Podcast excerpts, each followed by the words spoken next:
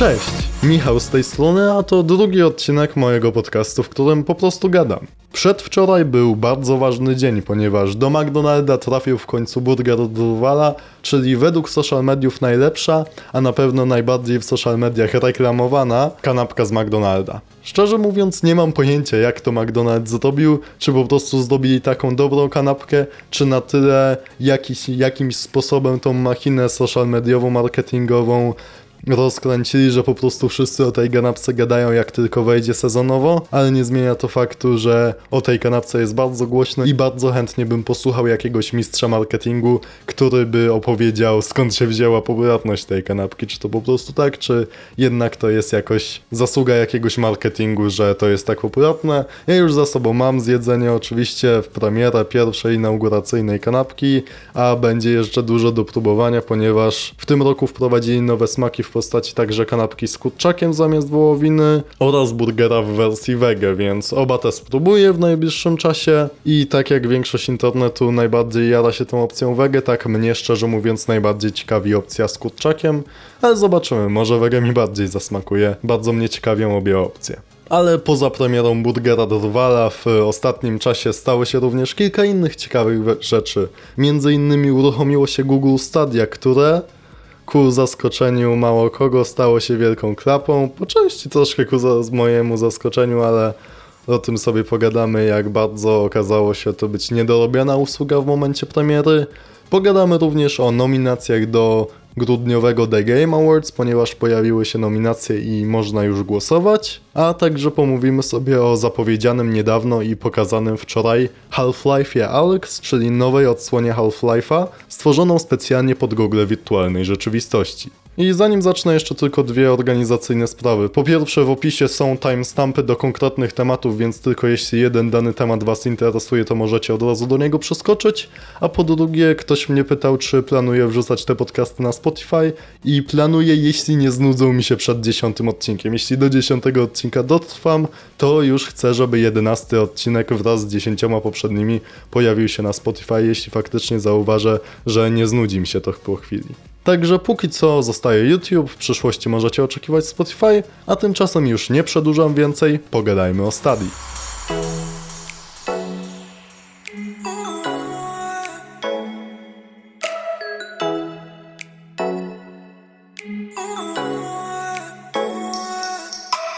Google Stadia. O, byłem naiwny. Byłem trochę naiwny, bo nawet czekałem, myślałem, że jeśli komuś by się streaming udał, to właśnie Google'owi, ale ewidentnie widać, że jest to usługa, która o dużo za wcześnie zdecydowanie dotarła do konsumentów i po prostu jest jeszcze masę rzeczy niedogotowanych. Hmm, więc zastanawiam się od czego by tutaj zacząć. Może największą wtopą prawdopodobnie jest to, że y, ludzie, którzy kupili Founders Edition, czyli tą edycję startową, nie dostają kodów kodów, które służą do aktywowania usługi, żeby zacząć działać, zacząć grać. I po prostu ludzie, którzy kupili, którzy mieli mieć zagwarantowany dostęp do stadii w dniu premiery, nie mają tego dostępu po prostu. Więc niektórzy nie muszą się męczyć z tym niekoniecznie działającym serwisem, ponieważ po prostu nie mają do niego dostępu, mimo tego, że zapłacili 130 dolarów. Więc to już jest świetny znak na początek, a dalej jest jeszcze lepiej. Nawet jak już ktoś dostanie kod, komuś uda się zalogować i będzie chciał zrobić setup, to podobno ten setup jest naprawdę skomplikowany, ponieważ po pierwsze urządzenia, na których można grać są bardzo limitowane, mianowicie są to telefony z serii Pixel, są to komputery z Chromem oraz są to Chromecasty Ultra i to w tym momencie do tego tylko te Chromecasty Ultra, które przyszły razem z Founders Edition, te osoby, które mają inne Chromecasty wcześniej kupione, nie mogą póki co Stadii zainstalować na tych Chromecastach. I podobno jeśli chodzi o setup, to nie dość, że trzeba mieć konto Google, co co prawda pewnie większość osób ma, to akurat nie jest takim problemem, ale niektórzy na przykład mają jakieś firmowe, a musi być konto z adresem małpa.gmail.com, nie może być tam na przykład z jakichś innych gmailowych firmowych adresów, to na przykład przy zakładaniu przez redakcję jest problemem.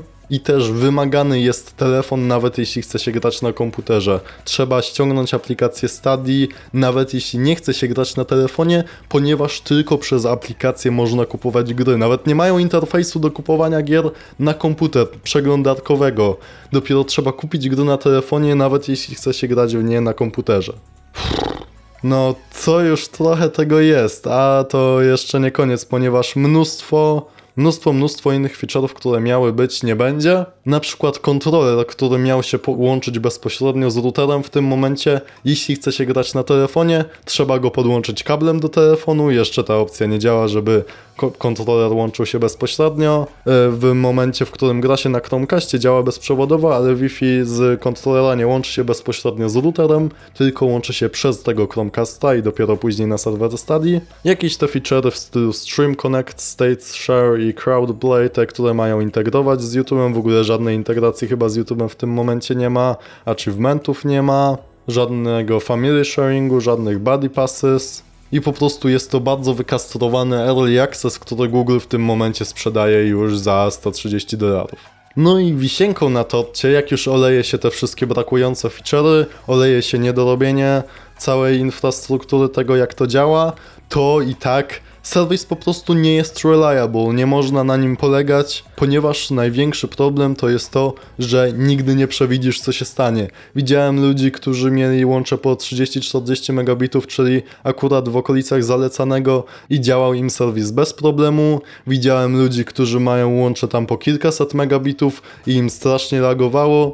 Na przykład w jeden dzień strasznie lagowało, zalogowali się na następny dzień, nie było problemu, na następny dzień znowu strasznie zalagowało, albo nawet w tym samym czasie grają na komputerze laguje, przełączą się na telefon i już przestaje lagować. Po prostu nawet nie wydaje mi się, żeby to aż tak bardzo zależało od internetu, ponieważ właśnie nawet ci, którzy mają nie tak y, duże łącze, ale, ale w zakresie rekomendowanych prędkości przez Google'a, często nie mieli problemów, a ci z super, super szybkim łączem mieli duże problemy, więc wydaje mi się, że ta usługa po prostu jej infrastruktura jeszcze nie jest dopracowana i po prostu nigdy nie wiadomo, czy jak się zalogujesz i akurat chcesz zagrać, to czy nie będzie jakiegoś problemu. I to jest moim zdaniem najgorsze w streamingu. Jeśli nawet jeśli ty masz dobry internet, to usługa jest na tyle niestabilna, że nigdy nie wiadomo, co ci wyskoczy, i to jest po prostu dla mnie no-brainer.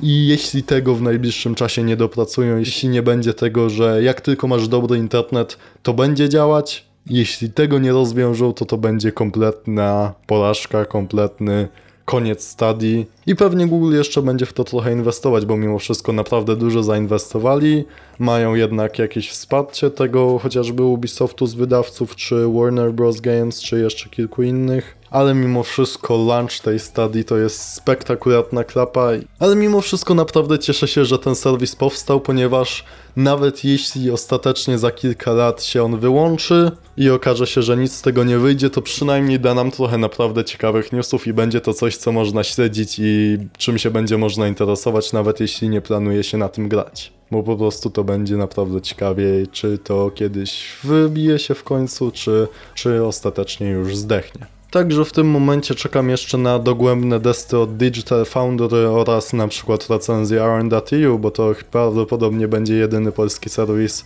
który to zrecenzuje z racji tego, że że są w Wielkiej Brytanii i będą mieć do tego dostęp. Także naprawdę ciekawe będzie śledzenie, jak sytuacja będzie się rozwijać. A tymczasem przejdę do następnego tematu, czyli nominacji do tegorocznego The Game Awards.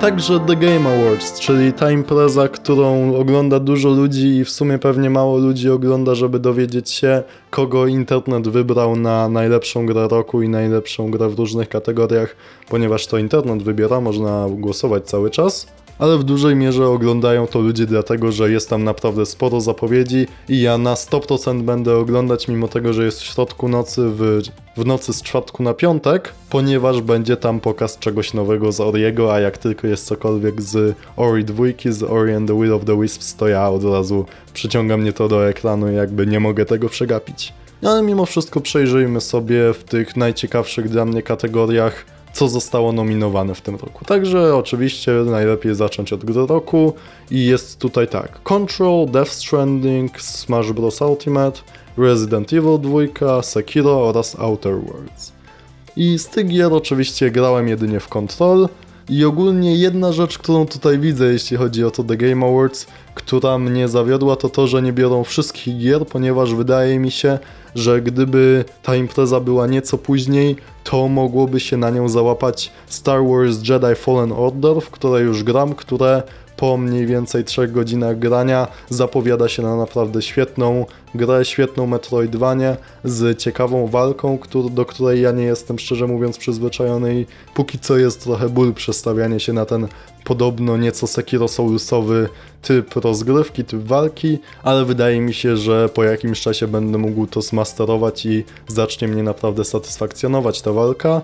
Plus do tego eksploracja jest naprawdę świetnie zrobiona i te planety tutaj do eksplorowania są świetnie zaprojektowane, więc przez najbliższy czas będę grać głównie w te Star Warsy i być może nawet jeśli mi się będzie chciało, jeśli mi się uda, jeśli będę miał czas, to zrobię ich recenzję na kanał, a jak nie, to omówię w podcaście. Zobaczymy co wyjdzie. Natomiast tych gier, które są nominowane, ja oczywiście będę głosować na Control, ponieważ jest to jedyna gra, w którą grałem. Jest to naprawdę bardzo fajna gra, której recenzja zresztą jest dostępna na kanale, więc tutaj Remedy naprawdę zasługuje moim zdaniem na tą nagrodę.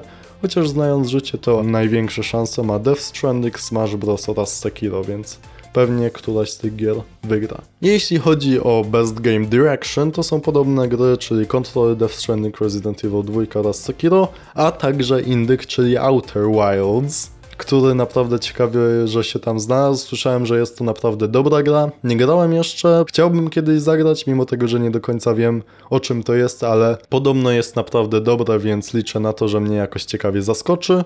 I naprawdę fajnie jest czasem przysiąść do jakiejś gry, o której się bardzo mało wie, żeby cię zaskoczyła i na przykład dzięki temu tak bardzo lubię Enslaved Odyssey to the West, bo praktycznie nic o tej grze nie wiedziałem. Przysiadłem, zagrałem i naprawdę mnie oczarowała ta gierka. Ale mimo wszystko dalej na Control głosuję.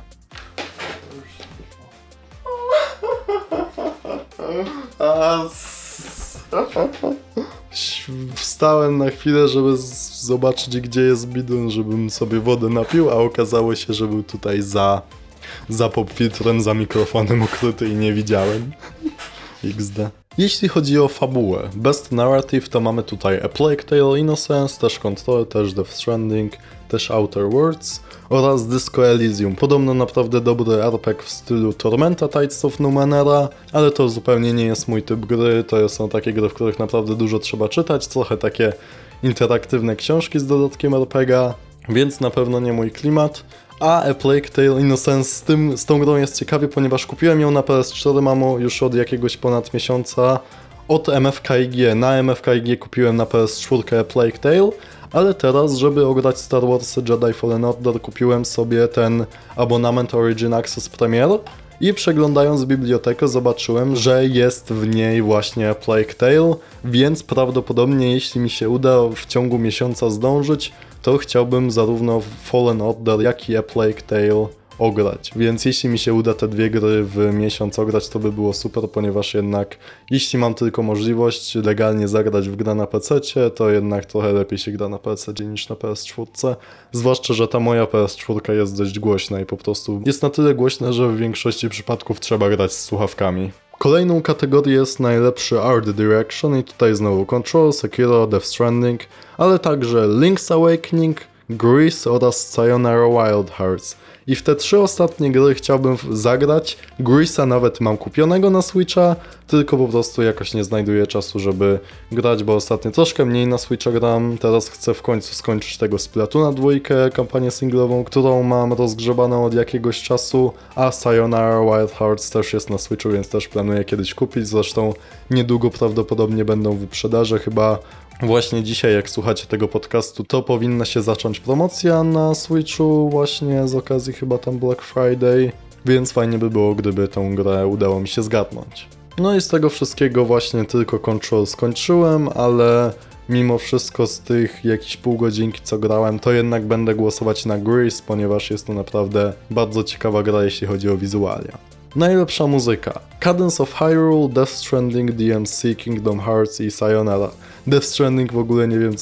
A nie, dobra, może nawet soundtrack ma... Nie wiem, nie grałem jakoś poza niektórymi wokalnymi kawałkami nie rzuciło mi się nic ciekawego z tej gry. I z tego wszystkiego wydaje mi się, że Sayonara Wild Hearts jako gra nastawiona na muzykę może być najlepsza, ewentualnie Cadence of Hyrule.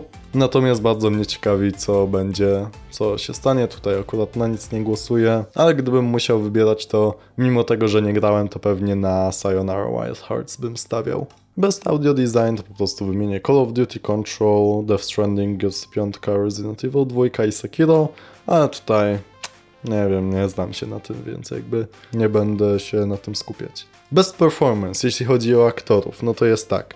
Norman Reedus i Matt Mikkelsen w Death Stranding, Country Hope oraz Matthew Poretta z Control, Laura Bailey w Gearsach 5 i Ashley Bird w Outer Worlds. No i wiadomo, że z tego wszystkiego tylko w Control grałem, no i oczywiście szalony doktorek ze swoją piosenką musiał tutaj wygrać, więc oczywiście głosuję na Matthew Porete w Control, który tutaj naprawdę fajny popis dał w niektórych scenkach, naprawdę bardzo fajnie to było zagrane. Games for Impact, czyli jakieś takie wpływające na ludzi, no to Concrete Genie, Grace, Kind Words, Life is Strange 2 oraz Sea of Solitude.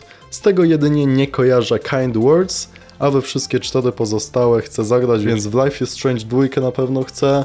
W sumie mam, jeszcze nawet prequel kupiony, który też chcę ograć, czyli Before the Storm. Concrete Genie oraz Sea of Solitude też chciałbym sobie kupić i ograć, ponieważ wyglądają to na naprawdę ciekawe tytuły, zwłaszcza Concrete Genie z tym całym swoim malowaniem. Prezentuje się naprawdę intrygująco i jest eksem na PS4, ale kosztuje połowę ceny, czyli 120, a nie 240 jak pełna gra, więc na pewno za jakiś czas ten tytuł nabędę.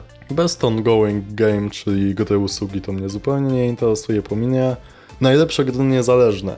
Baba Is You, Disco Elysium, Katana Zero, Outer Worlds i Untitled Goose Game. Z tego wszystkiego, szczerze mówiąc, najchętniej bym głosował na Untitled Goose Game, mimo tego, że nie grałem. Grałem za to w Baba Is You, a Katanę Zero mam kupioną i jeszcze nie odpaliłem na Switchu. Natomiast Baba Is You jest po prostu zdecydowanie dla mnie zbyt trudne, nie mam do tego mózgu już. Mój mózg wystarczająco się na matmie w szkole męczy, żeby jeszcze męczyć go tego typu zagadkami jak są w Baba Is You, a Untitled Goose Game, mimo tego, że jeszcze nie grałem, jeszcze nie kupiłem, to chcę się w ten tytuł zaopatrzyć i po prostu pobyć sobie dziką gęsią, która wkurza ludzi. Więc tutaj mimo tego, że nie grałem, to po prostu koncept tego Untitled Goose Game naprawdę mi się podoba, więc na to głosuję. Więc głosuję mimo tego, że nie grałem w gierki, więc jestem super, super człowiekiem i przy okazji pokazuję to, jak bardzo tego typu system internetowego głosowania jest nie najlepszy. Najlepsza gra na VR. Tutaj jest Asgard's Wrath, którego w ogóle nie kojarzę, bo nie wyszło chyba na PSVR. Jest Blood and Truth, którego robiłem recenzję jeszcze na VR Polska jest naprawdę przyjemną grą, ale nie jakąś super. Takim gangsterskim filmem w stylu Ricciego na VR. Jest Beat Saber drugi rok z rzędu, ponieważ w tym roku wyszedł jeszcze na Oculus Questa, dlatego jeszcze go zaliczyli, a jest najlepsza gra na VR, więc na nią głosuję. Ale jest jeszcze No Man's Sky, ponieważ dostało tryb VR-owy oraz Trover Saves the Universe, to cudo od twórcy Ricka i Mortiego, więc z tego jeszcze chciałbym właśnie w tego Trovera zagrać, bo to naprawdę jest intrygujące, a jest na PSVR, więc naprawdę ciekawe będzie, natomiast podobnie jak w przypadku Star Wars Jedi Fallen Order, nie ma tutaj bardzo niedawne... Czekaj, Stormland kiedy wyszło? Nie ma tutaj wydanego również raptem tydzień temu Stormland od Insomniac Games, czyli flagowego tytułu na Oculusa, który zapowiada się naprawdę genialnie i naprawdę bardzo żałuję, że raczej nie zapowiada się na to, żeby wyszedł ten tytuł na PSVR, ponieważ jest to ekskluzyw Oculusowy, który Facebook funduje, żeby sprzedawać Oculusy. Ale jeśli tylko uda mi się kiedyś jakiegoś Oculusa albo nawet Vive'a nabyć, co prawdopodobnie nie będzie w żaden sposób prędko, to na pewno Stormland będzie jedną z gier, które będę chciał sprawdzić. Best Action Game, Apex Legends, Astral Chain, Call of Duty, Modern Warfare, Devil May Cry 5, Gears 5 i Metro Exodus. No to z tego wszystkiego chwilkę grałem w DMC 5, ale mimo wszystko Astral Chain wydaje mi się najciekawszą grą z tego wszystkiego, ponieważ jest to nie tylko nowe IP od Platinum Games, czyli naprawdę ludzi, którzy znają się na grach akcji, to jeszcze naprawdę tutaj tą formułą pomieszali i Astral Chain wydaje się tą grą, która z tego wszystkiego jest najbardziej interesująca, najciekawsza i najlepsza moim zdaniem. Najlepsza gra Action Adventures, no to Borderlands 3, Control, Death Stranding, Resident Evil 2, Sekiro i Link's Awakening, Zelda, no to wiadomo Control. Dla mnie, bo tylko w to grałem. Najlepszy RPG czy najlepsza bijatyka to raczej nie moje klimaty, natomiast ciekawa jest kategoria Best Family Game, która tak naprawdę mogłaby się nazywać Best Nintendo Game, ponieważ jest tutaj Luigi's Mansion 3, Ring Fit Adventure, Super Mario Maker 2, Super Smash Bros. Ultimate oraz Yoshi's Crafted World. W żaden z tych tytułów nie grałem, ale z tych wszystkich najbardziej zachęcająco prezentuje się Luigi's Mansion 3, które z tych wszystkich pewnie najprędzej kupię, chociaż wiadomo, prędzej Mario Odyssey czy Zelda Breath of the Wild muszę w końcu ograć, bo mam tego Switcha już od czerwca, a jeszcze tych flagowych Nintendowych tytułów nie ruszyłem, ale po prostu za dużo indyków i za dobre promocje są na eShopie, żeby przegapiać te indyki, ale z tych gier Nintendo, które wyszły w tym roku, to Luigi's Mansion 3 się dla mnie najlepiej prezentuje. No i jeszcze ostatnia kategoria, która mnie jakkolwiek interesuje, to Fresh Indie Game, czyli jakaś, jakiś nowy indyk. I tutaj w jedną grę z tych wszystkich grałem, mianowicie nominowane jest tak Disco Elysium, Grease, Outer Wilds, Untitled Goose Game, Slay the Spire oraz My Friend Pedro. My Friend Pedro, którego recenzja jest na kanale i który jest naprawdę świetnym indykiem moim zdaniem, naprawdę bardzo dobrze się przy nim bawiłem i z racji tego, że jest to jedyna gra, którą faktycznie ograłem z tych wszystkich, to na niego będę głosować, ponieważ jest to po prostu bardzo przyjemna gra. No i to tyle, jeśli chodzi o te nagrody, które mnie interesują. Reszta to tam tylko e-sportowe, gry multiplayer, jakieś tam strategiczne, sportowe, ścigałki i tak dalej, to, to to już zupełnie nie moje klimaty. Natomiast chcę Was spytać, jak oceniacie tegoroczne nominacje, na co będziecie głosować i jak wielkim jestem ignorantem, że w żadnego RPG z nominowanych nie grałem.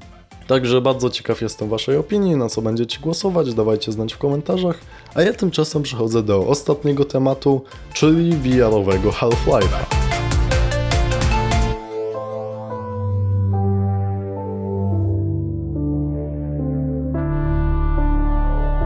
Momencie, w którym wysłuchacie tego podcastu jest piątek, a zatem prezentacja Half-Life Alex była wczoraj. A ja ten podcast nagrywam właśnie w czwartek, więc jestem na świeżo po zwiastunie. Dwa poprzednie fragmenty tego podcastu nagrywałem jeszcze wcześniej, zanim się pojawił zwiastun i muszę wam powiedzieć, że oh my god, like... Ta gra... A, a, a, ja nie mam słów. Po prostu cudowne. Jeszcze raz muszę to sobie obejrzeć, bo po prostu to, co tutaj się dzieje, przede wszystkim jest to gra naprawdę ładna, naprawdę super wygląda. Pewnie będzie potrzebowała przez to mocnego kompa, ale wygląda naprawdę ładnie, wysokobudżetowo i widać, że naprawdę tutaj Valve się nie patyczkuje i naprawdę spory budżet w to wkłada, ponieważ naprawdę widać, że chcą tutaj inwestować w tego VR-a i wydaje mi się, że tak jak PlayStation PSVR ma swoje Blood and Truth jako ten duży, wysokobudżetowy tytuł, który naprawdę bardzo zmyślnie obchodzi te dość mocne ograniczenia sprzętowe, które niestety na PSVR są zdecydowanie większe niż na PC-owych goglach. Tak widać, że Half-Life Alex to będzie właśnie odpowiednik Blood and Truth na PC, będzie to ten flagowy tytuł, dla którego obok Beat Sabera będą wszyscy kupować VR-a, albo może nie wszyscy będą kupować, ale na pewno dla posiadaczy VR-a to będzie tytuł zdecydowanie obowiązkowy, najbardziej prawdopodobnie wysokobudżetowa gra na VR-a i widać, że też tutaj naprawdę nie szczędzą jeśli chodzi o fabułę, ten zwiastun jest przepełniony dialogami, widać, że to dalej jest Half-Life, dalej coś nastawionego na opowiadanie historii. I widać też kilka naprawdę fajnych patentów VR-owych, przede wszystkim no wiadomo, będzie to strzelanka, będziemy mieć pistolet i strzelać, natomiast Gravity Gun został sprowadzony do formy rękawiczki grawitacyjnej, którą już na zwiastunie widać, że chociażby główna bohaterka przyciąga pistolet, czy na przykład jakieś tam coś zabiera wrogowi z pasa, żeby, nie wiem, otworzyć drzwi czy coś. Do tego widać, że są tam jakieś e, zagadki fizyczne z ustawianiem kurek w odpowiednim miejscu, przerzucaniem przełączników i takie typowo VR-owe rzeczy. Natomiast liczę na to, że tego nie będzie za dużo i że będzie jak najwięcej ciekawej akcji, ciekawego wykorzystania właśnie tych grawitacyjnych rękawiczek i że będzie to naprawdę intensywne doświadczenie, znając życie jak na grę VR-ową przystało, nie będzie to jakoś bardzo długie, ale to jest dobrze jednak w VR-ze mieć te krótsze, bardziej skondensowane, intensywne, wysokobudżetowe doświadczenie doświadczenia z wybuchami i tym wszystkim i właśnie takich gier oczekuję, że w przyszłości, gdy już wreszcie VR tak faktycznie bardziej wkroczy na salony, stanie się dużo popularniejszą technologią, to liczę na to, że takich gier będzie jak najwięcej, ponieważ po prostu widać, że VR jeszcze to nie jest ten moment, ale kiedyś będzie. Kiedyś w końcu będzie się pojawiać takich gier sporo, jak już ten sprzęt będzie na tyle sensowny, na tyle affordable, żeby każdy mógł sobie na niego pozwolić. I jeszcze w tym momencie, że na przykład Oculus wprowadził tego Oculus Linka, że Oculus Quest sam w sobie może grać w gry, ale to ma jednak mobilny procesor, a wprowadzają oni Oculus Link, który sprawia, że można po USB typu C podpiąć Questa do komputera i grać właśnie na przykład w taką grę jak Stormland, w którym mówiłem we wcześniejszym segmencie, która by nie miała prawa chodzić na tym mobilnym chipsecie, a jeśli ktoś ma wystarczająco mocny komputer, to może sobie go podpiąć do komputera bezpośrednio i grać we wszystkie dostępne gry, które są na PC, a nie ma ich na Questie. W tym Half-Life Alex, ponieważ Valve nie robi tutaj takiej jakiejś głupoty, że, że ogranicza dostępność tej gry, tylko wszystkie gogle, które są kompatybilne ze Steam VR będą działać, czyli te wszystkie Windowsowe Mixed Reality, Oculus Vive, no i oczywiście ich flagowy Valve Index, do którego prawdopodobnie będą jakieś specjalne funkcje, ponieważ on ma te kontrolery, które są wrażliwe na palce, czują czy do nich się przykłada palce i jakieś tam dodatkowe funkcje czujniki mają, więc prawie na pewno to wykorzystają, natomiast nie będzie też problemu, żeby pograć na goglach Mixed Reality Windowsa czy Oculusie czy Vive'ie. I co najważniejsze, premiera nie jest jakoś bardzo odległa, ponieważ gra wyjdzie w marcu 2020, więc raptem za kilka miesięcy. Nie będziemy musieli na to bardzo długo czekać, tylko faktycznie dostaniemy tą przygodę z Half-Life'a w miarę niedługo. I co prawda wiele ludzi jest zawiedzionych, ponieważ wiadomo, gra na VR, więc mnóstwo ludzi nie będzie mieć dostępu, a jak tyle czekali na Half-Life trójkę, to wiadomo, że będą zawiedzeni, ale jakby zgaduję, że cokolwiek by nie pokazali, nawet jakby nie było na to ludzie i tak by byli zawiedzeni tym, co pokażą, ponieważ już te oczekiwania na Half-Life'a trójkę są tak wyniesione pod niebiosa, że nic by nie zdołało im sprostać, a w ten sposób odcinając masę ludzi od tego i wie, wiedząc, że tak czy siak nieważne co pokażą i tak ludzie będą narzekać głównie dlatego, że jest na VR i oni nie zagrają, to po prostu wydaje mi się, że mimo wszystko mają to w ten sposób kontrolowane i to jest jedyna sensowna opcja, żeby w tym momencie przywrócić tą markę i może od tego miejsca kontynuować ją, stworzyć już faktycznie w przyszłości. Nie chcę mówić pełnoprawną odsłonę, bo wydaje mi się, że to jednak tutaj Valve się do tego przykłada i to będzie pełnoprawna odsłona, natomiast kolejną odsłonę Half-Life'a już zwyczajnie na komputery, albo po prostu cisnąć dalej kolejne części na VR i robić na tyle genialne te gry, żeby ludzie chcieli dlatego kupować VR. Dlatego liczę na to, że faktycznie Alex będzie naprawdę mocnym, bardzo mocnym tytułem i obok Stormlanda czy Beat Sabera czy jeszcze kilku wyjątkowych, wysokobudżetowych gier, które jednak są na VR, liczę na to, że ta biblioteka będzie się budować i w momencie, gdy coraz więcej ludzi będzie się do tego zachęcać, przekonywać, to, że już po prostu ci, którzy kupią headset, będą mieli dostęp do jak największej biblioteki gier, która nie tylko będzie wypełniona wieloma świetnymi indykami, ale także właśnie takimi kilkoma wysokobudżetowymi, intensywnymi grami, które pokażą, że VR to medium, któremu nic nie brakuje, które dobrze się sprawdza w takich wysokobudżetowych produkcjach. Także naprawdę mnie ciekawi ten Half-Life Alex. Bardzo mnie ciekawi również, czy może w przyszłości wyjdzie na PlayStation 5 na drugie PSVR bo nie liczę na to, żeby wyszło na to PSVR, na to PS4, bo tutaj po pierwsze zdecydowanie zbyt dobrze wygląda, a po drugie kontrolery mają swoje ograniczenia, więc w żaden sposób nie liczę na to, że wyjdzie na PS4 i na aktualny PSVR, ale może kiedyś fajnie gdyby wyszło na PSVR 2 i na PS5 ale mimo wszystko zgaduję, że prędzej sobie kupię jakiegoś Oculusa, właśnie Oculus Questa, czy może Google Mixed Reality, zanim zaopatrzę się w PS5 i do tego jeszcze PSVR 2, więc Zobaczymy, na pewno kiedyś w przyszłości to jeszcze dla mnie będzie naprawdę odległa przyszłość, ale kiedyś, kiedyś, kiedyś w tego Half-Life Alexa zagram i bardzo się cieszę, że to będzie kolejny pretekst obok chociażby Stormlanda, żeby faktycznie sobie te PC-towe gogle kupić. I przy okazji też mocniejszego PC, ale to też do innych celów i w przyszłości będę sobie upgrade'ował. Także dajcie znać, co wy sądzicie o Half-Life Alex w komentarzach koniecznie, ponieważ wiadomo, że pewnie większość będzie zawiedziona tym, że jest to gra VR-owa, ale mimo wszystko liczę na to, że nie będziecie kompletnie sceptyczni i po prostu ciekawi mnie, jak będziecie ten zwiastun oceniać, nawet mimo tego, że pewnie większość z was nie zagra, to i tak jestem mimo wszystko ciekaw waszej opinii. I tak pewnie większość komentarzy to będzie, że BA nie Half-Life 3, ale trudno. Dostaliśmy to, co dostaliśmy. Ja się bardzo cieszę, bo kibicuję wciąż VR-owi. To nie jest to, co streaming, co nie działa, tylko to jest technologia, która faktycznie działa, tylko po prostu jest droga, jeszcze nie do końca dorobiona i działa, fajnie się gra, ale jednak jeszcze naprawdę długa droga przed tym jest. Dobra, także będę już kończyć.